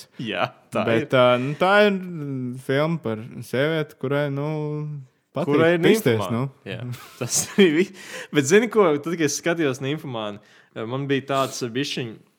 Man bija ļoti divējādi sajūta, jo no vienas puses es sapratu, to, ka nu, šeit, nu, okay, nu, šeit nu, čīsta viņš piedurās. kā Fontrīrs. Nu, šis ir, tā kā, nu, šis ir, eh, šis ir, eh, es ļoti atvainojos. Šis bija, eh, šis ir kinda joks, nu, tā kā viss tas, jo tas, nu, Tas veids, kā viņi ir taisīti, tas eh, viss tās uh, seksa ainas, ceļš tajā vilcienā, tas viss ir komiski. Tas, kā viņi viņu atstāsta to, atstāsta to arī tam džekam, tam aseksuālajam, inteli a- inteliģentajam kungam. Tas viss ir tā kā ironiski. Nu, nevar to ņemt pa pilnu. Tāpat laikā tā filma bišķiņa atgādina tādu, nu, vismaz man, un kāpēc man bišķi ļoti kaitināja, viņa man atgādina tādu kaut kādu ļoti pretenciozu literatūru. Nu, tā kā kaut kāda, zin, tās kaut kādas grāmatas, kuras tur, kuras pieņemsim, eh, es nezinu, kā, es negribu tagad teikt, kas viņas lasa, bet, nu, Ir kaut kāda lasīta, oh, jā, šī tā grāmata, un tur ir baigi gudrās Tā kā lietas. būtībā Tur tādas atziņas vispār ir. Kā, un man bija šāda sajūta ar Nīfumānu visas tās filmas laikā. Nemaz ne, nu, es, es pat ne, nerunāju par kaut kādiem tur, nu, ob, nu, obvious lietām, par tām aktiem un tādā, bet vispār to vaibu kopēju. Tas tā kā, kā mans onkls teikt, ka čurā viens otram mutē un saka, ka Nu, baigi jā. garšīgi. Ot, ot, man nepatīk, ot, jā, nu, kaut kas tāds, viņš varēja pareizi pateikt. Jo, ot, man nepatīk bieži vien teikt vārdu pretencios, jo dažreiz vienkārši es nesaprotu lietas. Nu, bieži vien es neesmu vienkārši kompet, nu, tā kompetents, dažreiz kaut ko neesmu lasījis. Vai, bet nu, šī tā čīsta, man liekas, ir pretencios filma. Nu, tā es nezinu, nu, kā tev. Bet uh, tur man liekas, ka tiešām tev bija šī iegriež, ka tu redzēji pusi no tās filmas. Tas Varbūt. patiesībā ir regulāri parādība. Jo es vismaz kādiem trīs cilvēkiem runāju, ka, ah, nu jā, es esmu no trījus, es pirmo informāciju redzēju. Bet, tā kā, a, tu negribēji redzēt, kas tur tālāk Nu notiek? jā, Tā kā- es man bija tur ir kā Ant Cliff. Viņi beidzās ar Amsteina dziesmu. Tā kā man ir jau nu, vienkārši labākā Bet filma. nesākās ar kaut kādu Rāmsteinu. Viņi beidzās, sākās aplis. Jau. Apaļaida struktūra jau tā kā viņš kā kaut kādā Berlīnas preses konferencē. Tāds. Jā, tur es viņam ļauju runāt. Viņš, viņu kancelo par to, ka viņš patīk, ka- viņš pasaka, ka viņš simpatizē Hitleru un nākamais festivāls, kur viņš aizved uz Berlīnu.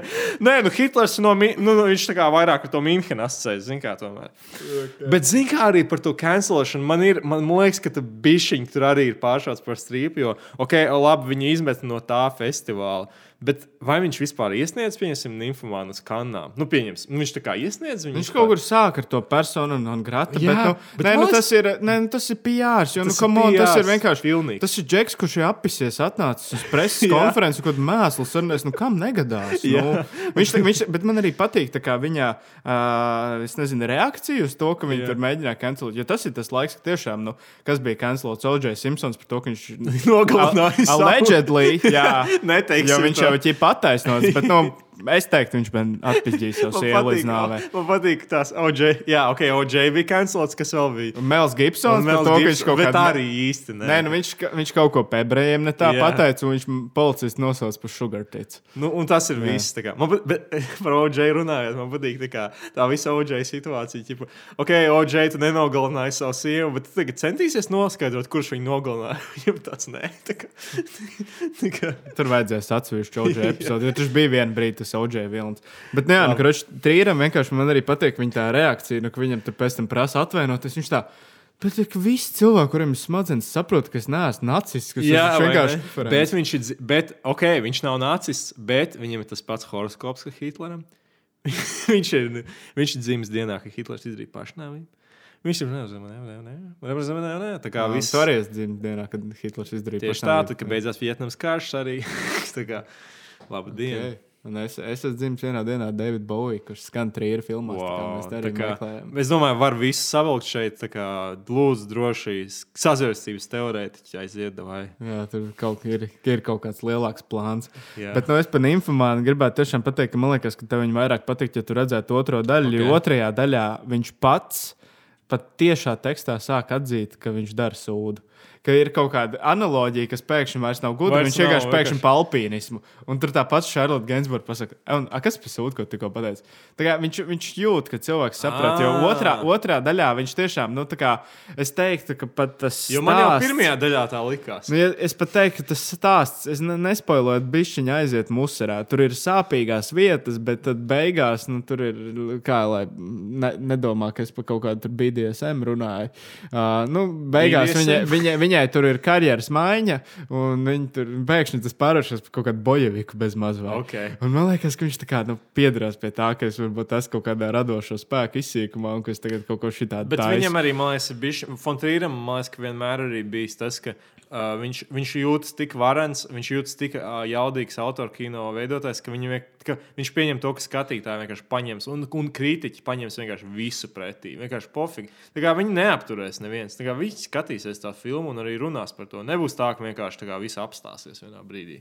Ne, viņam ir kaut kas tāds uh, punkts, kas man liekas, Steve's Mārtiņš komiķis kaut kad teica, ka viņš beidz taisīt stand-ups. Jo vienkārši vienā brīdī bija tā, ka viņš uzkāpj uz skatuves un cilvēki vienkārši smējās par to. Tas arī kaut kas ar Beniju Hillu, ka ka viņam vairs, nu, vispār, ka viņš jau viss ir sasniedzis un ka viņš jau uzreiz asociēs smiekliem un trīs uzreiz arī visiem asociēs kaut kādu intelektu. Vai arī Latvijā ar Jāni Skuteli, kurš, starp citu, arī mēģināja piedalīties Eirovīzijā ar to tur dziļi violēts projektu. Nē, dziļi violas mēģināja skutēlis, laikam, tur savā šovā tikai to rādīt. Bet tā ir, ir Es neataisnoju Skuteli. Es domāju, ka Jānis Skutēlis noteikti kādreiz ir skatījies Eirovīziju. JRT aktieris skatās Eirovīziju. Apparently. Vismaz, jā, es zinu, ka Ritvers Logins skatīsies. Jā. Tā kā rekom vēl viena saistība, čau, Ritver. Jā.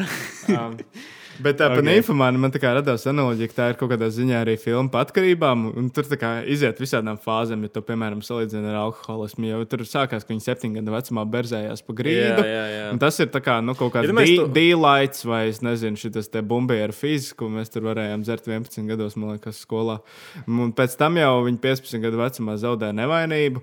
Bet nu, tas arī kā viņi zaudē nevainību. Tas ir, nu, es vismaz pakonsultējos ar sievietēm, nu, tas liekas, bija par šārpiem. Tur ir tas astoņi, ka Ok. okay. viņi jau trīs reizes tā kā, Jā. nu, vagināli un piecas tas nu, reizes tāds- pakaļā. Un Jā, es, tā kā, ja salīdzinu, tad tā kā, ka trīs reizes vagināli tas būtu kā, nu, kā pivons. Un tas, ka pakaļā, tas uzreiz pat no šņābi jau pāriet, man liekas. Nu, tā kā ja tas Ok, salīdzina ar ok, alkoholu. ok. Un pēc tam. Es nezinu, kas tā ir analoģija. Nu, nē, ja to yeah. kaut kā salīdzina, tā ir dzeršana, kādas tās Ok. okay. pakāpes. Jo priekš pirmās reizes tā kā aliņš ir normāli, bet ja tu pēc Ok. okay. uzreiz šņābi, nu tas ir pat raku. Un tas kaut kādā ziņā viņa tā pirmā pieredze traumē, un viņa pēc tam seksā meklē visu to, kas viņai bija tajā pirmajā reizē. Kaut kādā visu laiku cenšas atgūt kaut ko. Un, uh, un otrajā daļā, viņi pārēc BDSM, ka viņi tur reāli- Jā, nu, ka viņi, jā, ka viņi jau gūst baudu no, no tā, ka viņi brutāli klapē, nu tas jau ir odītis, man liekas. Jā. Un Tas, jo, jo, jo tur pēc tas. Tur tā montāža arī ir, ka viņi vienkārši viņi nenormāli klapē, un ka trīs arī ar skaņu vienkārši pēkšņi vienkārši vienā brīdī nogriež un tā kā parāda, ka viņai jau vairs nesāp, ka viņi vairs neko nejūt, un ka viņi pat kaut kādā tādā veidā tur sāk berzēties gar grāmatām vēl orgasmu sasniedz. Nu, viņš to kaut kā tā. Ķipa smagi, bet komiski pasniedz. Nu, viņš tā kā liek tev būtībā justies vainīgam par to, ka tu par to Ka skaties. tev vai- liekas, bija šis smieklīgi. Tas. Nu jā, tā jau viņš dara. Tā viņš dara. Bet man, būtīgi sakot, ok, labi, es neredzēju otro daļu. Bet tagad tu esi pietiekami ieinteresēts. Es esmu ietriģēts. Noteikti tūlīt pats skatīšos pirms Eirovīzijas. Varbūt arī Spānijas palasā uztaisīs vēl viens jauns. Jā, ja speciāli. bija, man liekas, normāls apmeklējums šo informāciju. Nu, es domāju, Bet ar šitām filmām parādās tas, ka man liekas, ka daudz varbūt neatnāca uz kaut kādu tur dejotāju tumsā vai Eiropā, jo nu, tās jau vecas filmas. Jā, jā. 90. Jā, Bet, tas jau vispār sen, pilnīgi. Bet, uh, nu, jā. un uh, Nymphomāne, jā, Nymphomāne un Džeks tur bija nu, diezgan, un arī jaunāk vecuma cilvēki, nāk, tāpēc šitās jau ķip svaigās Bet, filmas. uh, bet man, man vispār ir informācija, ka liekas, ka tas ir kinda blueprints bišķiņa džekam arī kaut kādā ziņā. Jo viņš arī iezīmē to, to ka viņš tās kaut kādas diagrammas pa vidu izmantos arhīvu materiālus. Viņš, un principā džeks ir tāda, nu labi, nymfomāna tikai slepkavības ziņā. Jā, manuprāt. bet Džeks arī ko iezīmēja.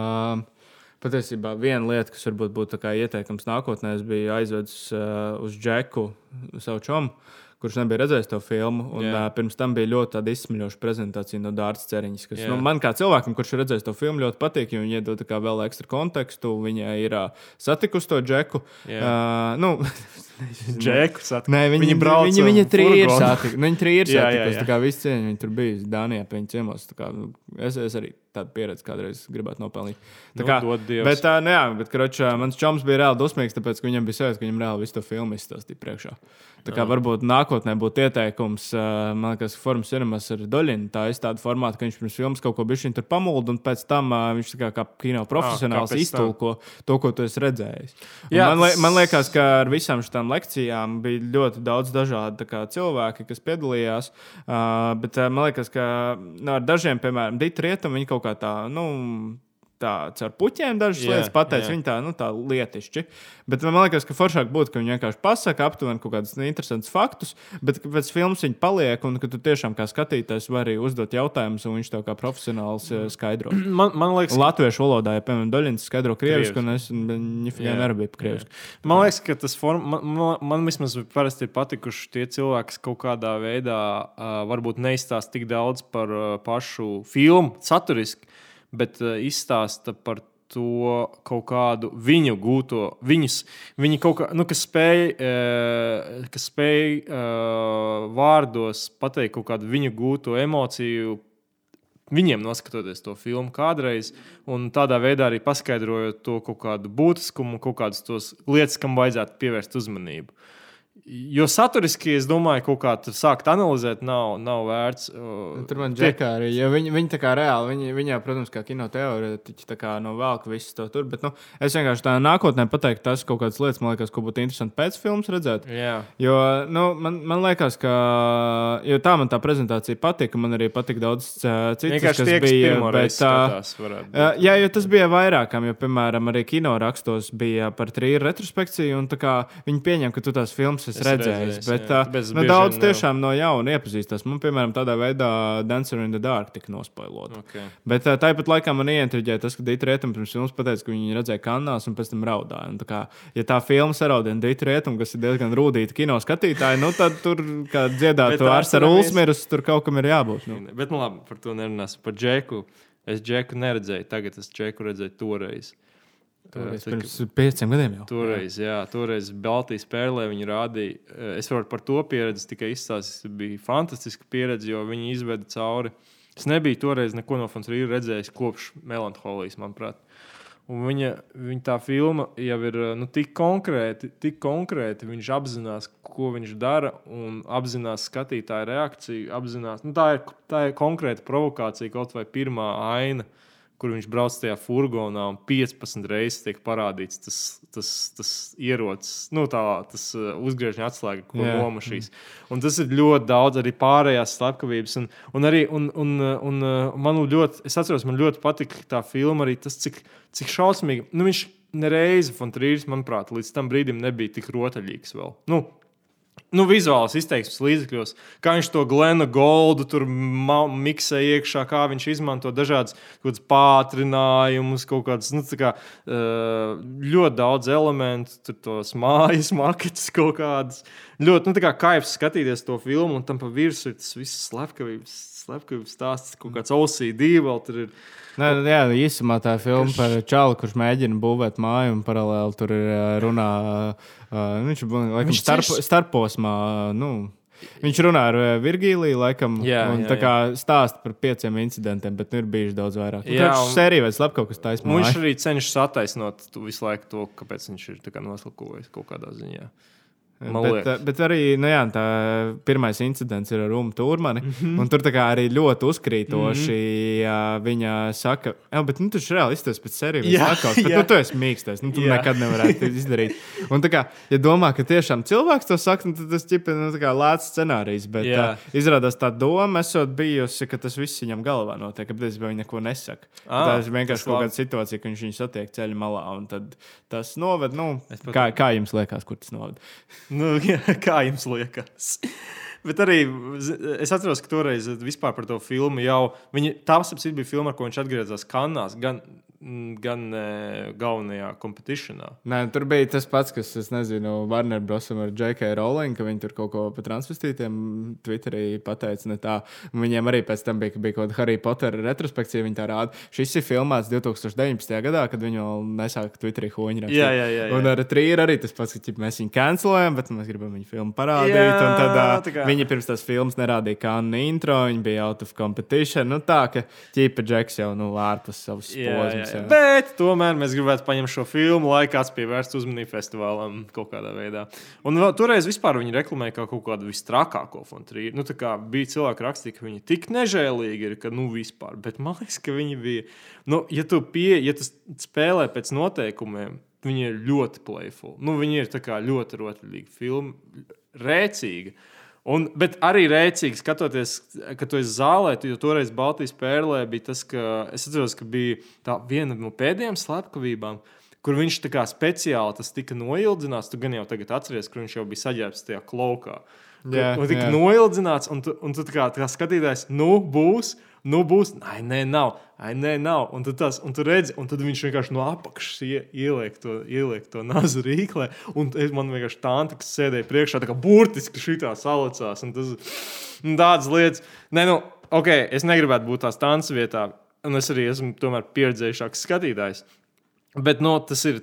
Tā ir performance kaut, kā, kaut kādā ziņā apusēja, gan, gan skatītājos. Tas jau arī tā, tur, ā, ka viņš diezgan detalizēti parāda ar to Mrs. Simple, kā viņš viņu sauca. Jā. Ka, ka viņš arī tā kā viņai saka, ka tev tik skaists krūtis. Un Tu, tā kā, nu, tu domā, ka viņu nogalinās, bet tu, tu neiedomājies, ka viņš izdarīs to. Jā, Un jā, ka viņš jā. pēc tam vēl tā kā, un ka esi pilnīgi atradzis, ka tu jau esi atgājis no tās traumas, un tad ieraugi, ko viņš vēl ar to krūti ir izdarījis. ka viņš bija, nu, Bet tā simbola arī bija tā, kas teica, pagaidi, tev taču bija kruķis, un tu nevarēji pastaigāt. Tā bija tā arī. Ā, Bija kaut jā, jā, tā- Vas ā. vienkārši tik retīniski. fuck, Tā, nē. tā bija arī pat atsauces kaut kādā viena no bijušajām filmām, man liekas, Fuck vai nu uz. Antikristu, vai Ej, uz. Nīmfamānu. Man tajā brīdī tas, nu, vārds. Bet nu, ja tā jau arī viņš tur atkal ar to džeku turpina to anti-amerikas sāgu, ka viņš nu, tur slepkavo un ka viņš tur aiziet vēl pie mentiem un tā pasaka, jau es viņu līdz nogalināšu. Jā, jā. Un tur nu, patiesībā tas ir reāli komentārs, jo tas ir kaut kādā ziņā pat sasaucas to Jēkabpils situāciju, Es, kas mums tikko jā, ka bija. pils imants visām situācijām. Nu, tur, tur ir dirsā, tur ir kauns vienkārši visai pasaules. Ir sūdīgi būt policistam šobrīd. Latvijā ir īpaši. Nu, kaut gan patiesībā, ja man tāda atkāpe, tik cik es esmu pats ar mentiem saticies, tur ir vienkārši kritisks resursu trūkums. Jā. Un, kad es runāju, man viena teica, ka, kā, ja viņai būtu uz visām lietām laiks, kas viņai ir piešķirts kā gadā, viņai gadā būtu uz katru lietu 11 minūtes. Nu, tā kā, Bot. Bet labi.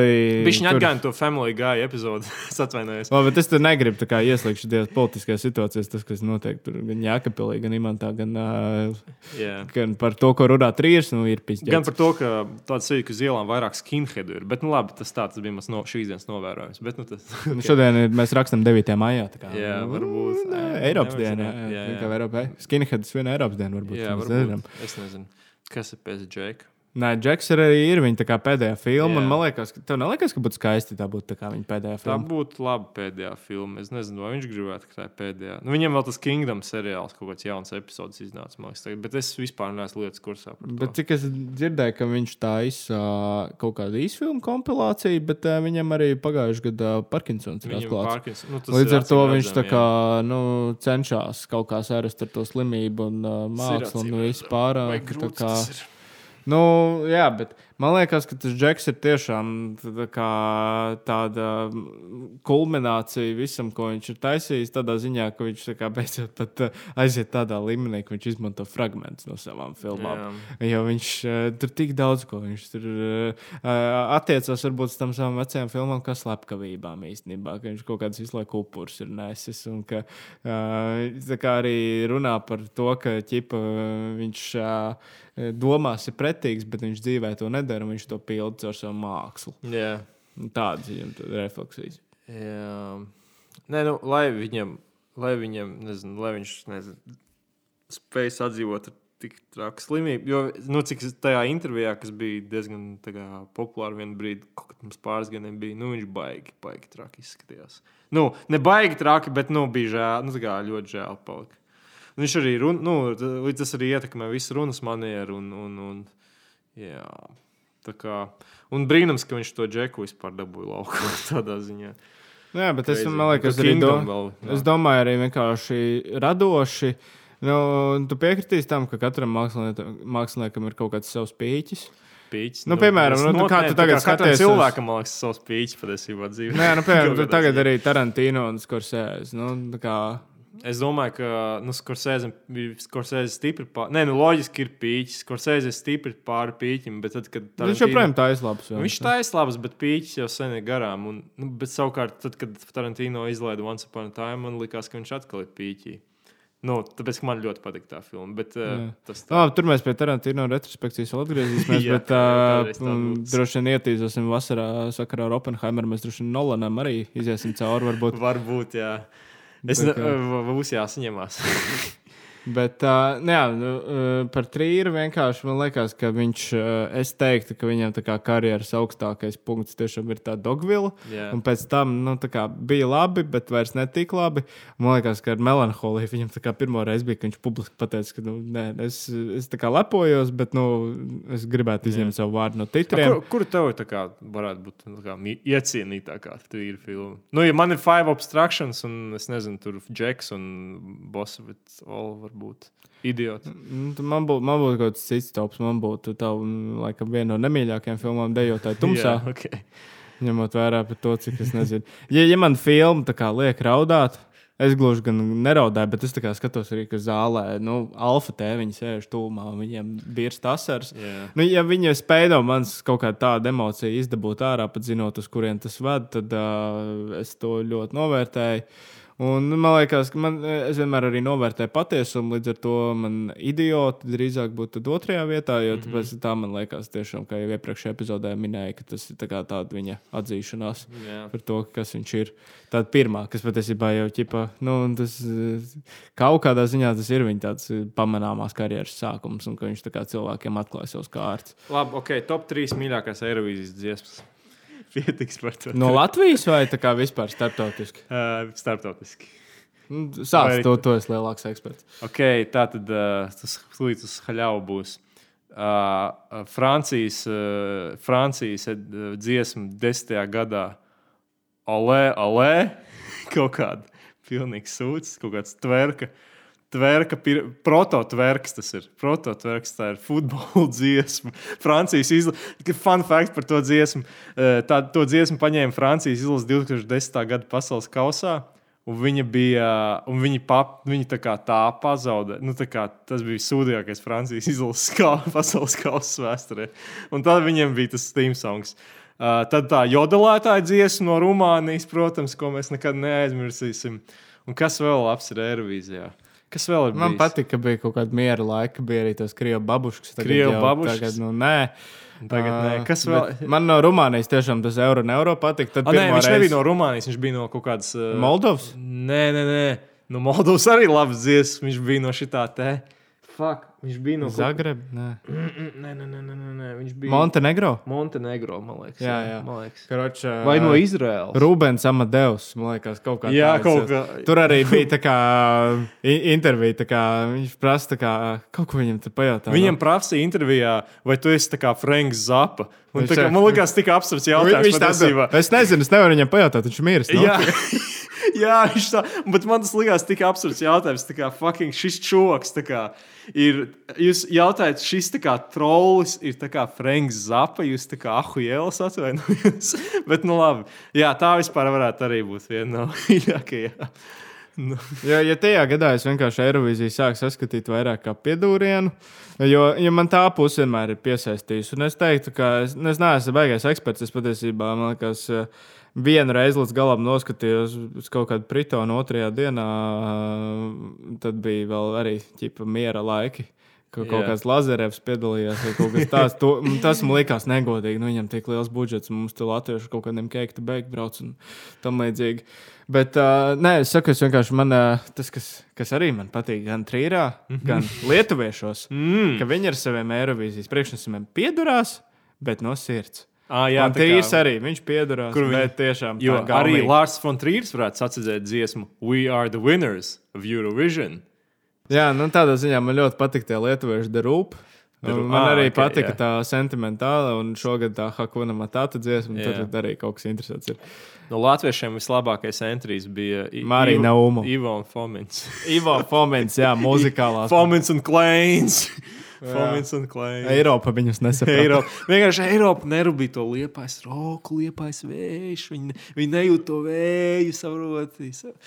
Jā, nu, beigās varam secināt to. Tas, tas lielais be, beigās, tas secinājums par Lārs Fontrīru un Eirovīzijas tā kā sakaru, zini, kāds ir. Lārs Fontrīrs ir piedalījies Eirovīzijā. Kādā veidā? Nu, es nezinu. Nu, kaut, e- es teiktu, ka viņš ir piedalījies tādā veidā, ka Viņš ir- mākslinieku varbūt iedvesmē mūzikai pievērsties kādu viņa filmu. Varbūt Tieši tā. Jā, Jā, Eirovīzijā jo- jā. daudz valsts. Okay, Lārs Fontrīrs ir piedalījies Eirovīzijā, jo vai zināt, ka Ralfs Eilants brīdī pirms sacerēja Here We Go noskatījās dejotāju tumsā? Vai jūs to zinājāt? Es to nezināju. Bet, Nu, nu, tā, lūk. es teiktu, ka, ja es kādu dienu būtu kā Forums cinemas direktors, tas Ralfs Eilands banotu. Es dzirdēju, ka viņš tagad bija kinokulta seansā kaut kādā. Man vienkārši čoms atraksta, ka Ralfs Eilands mutu nevar aizpist.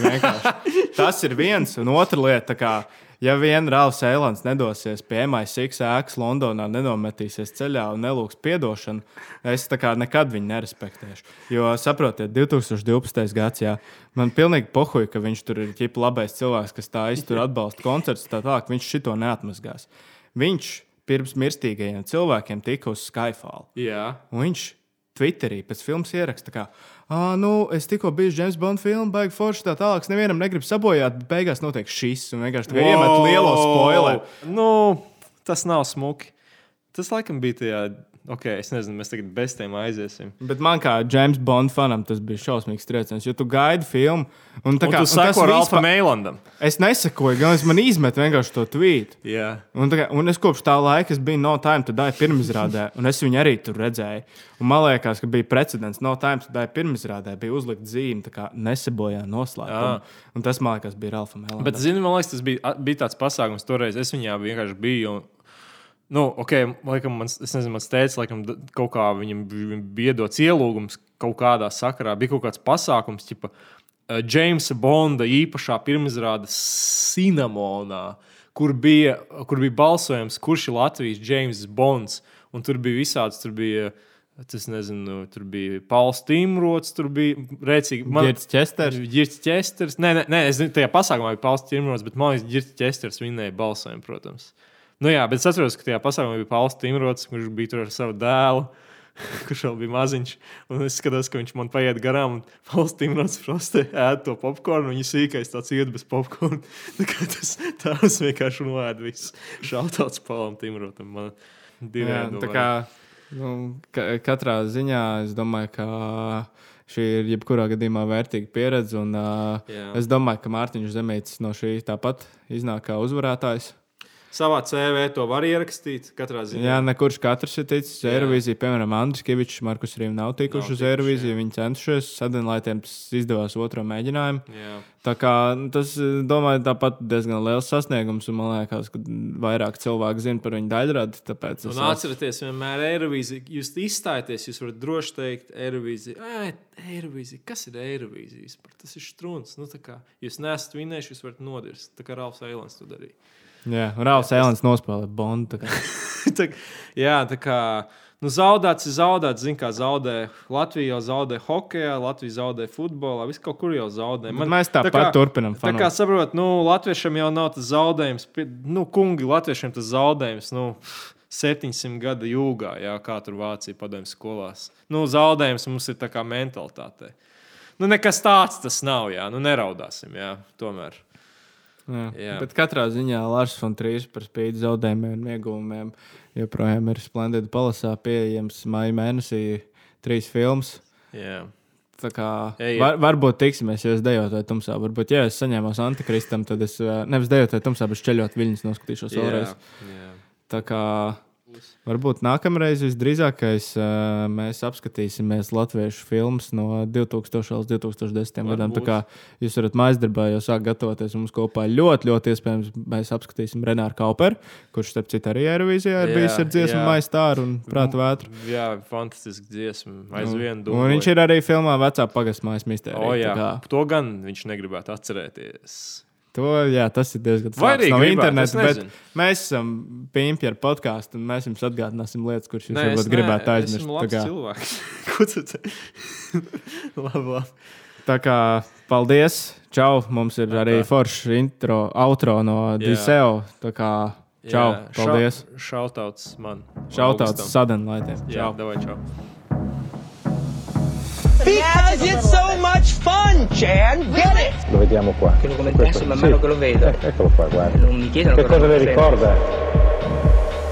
Ir svētība.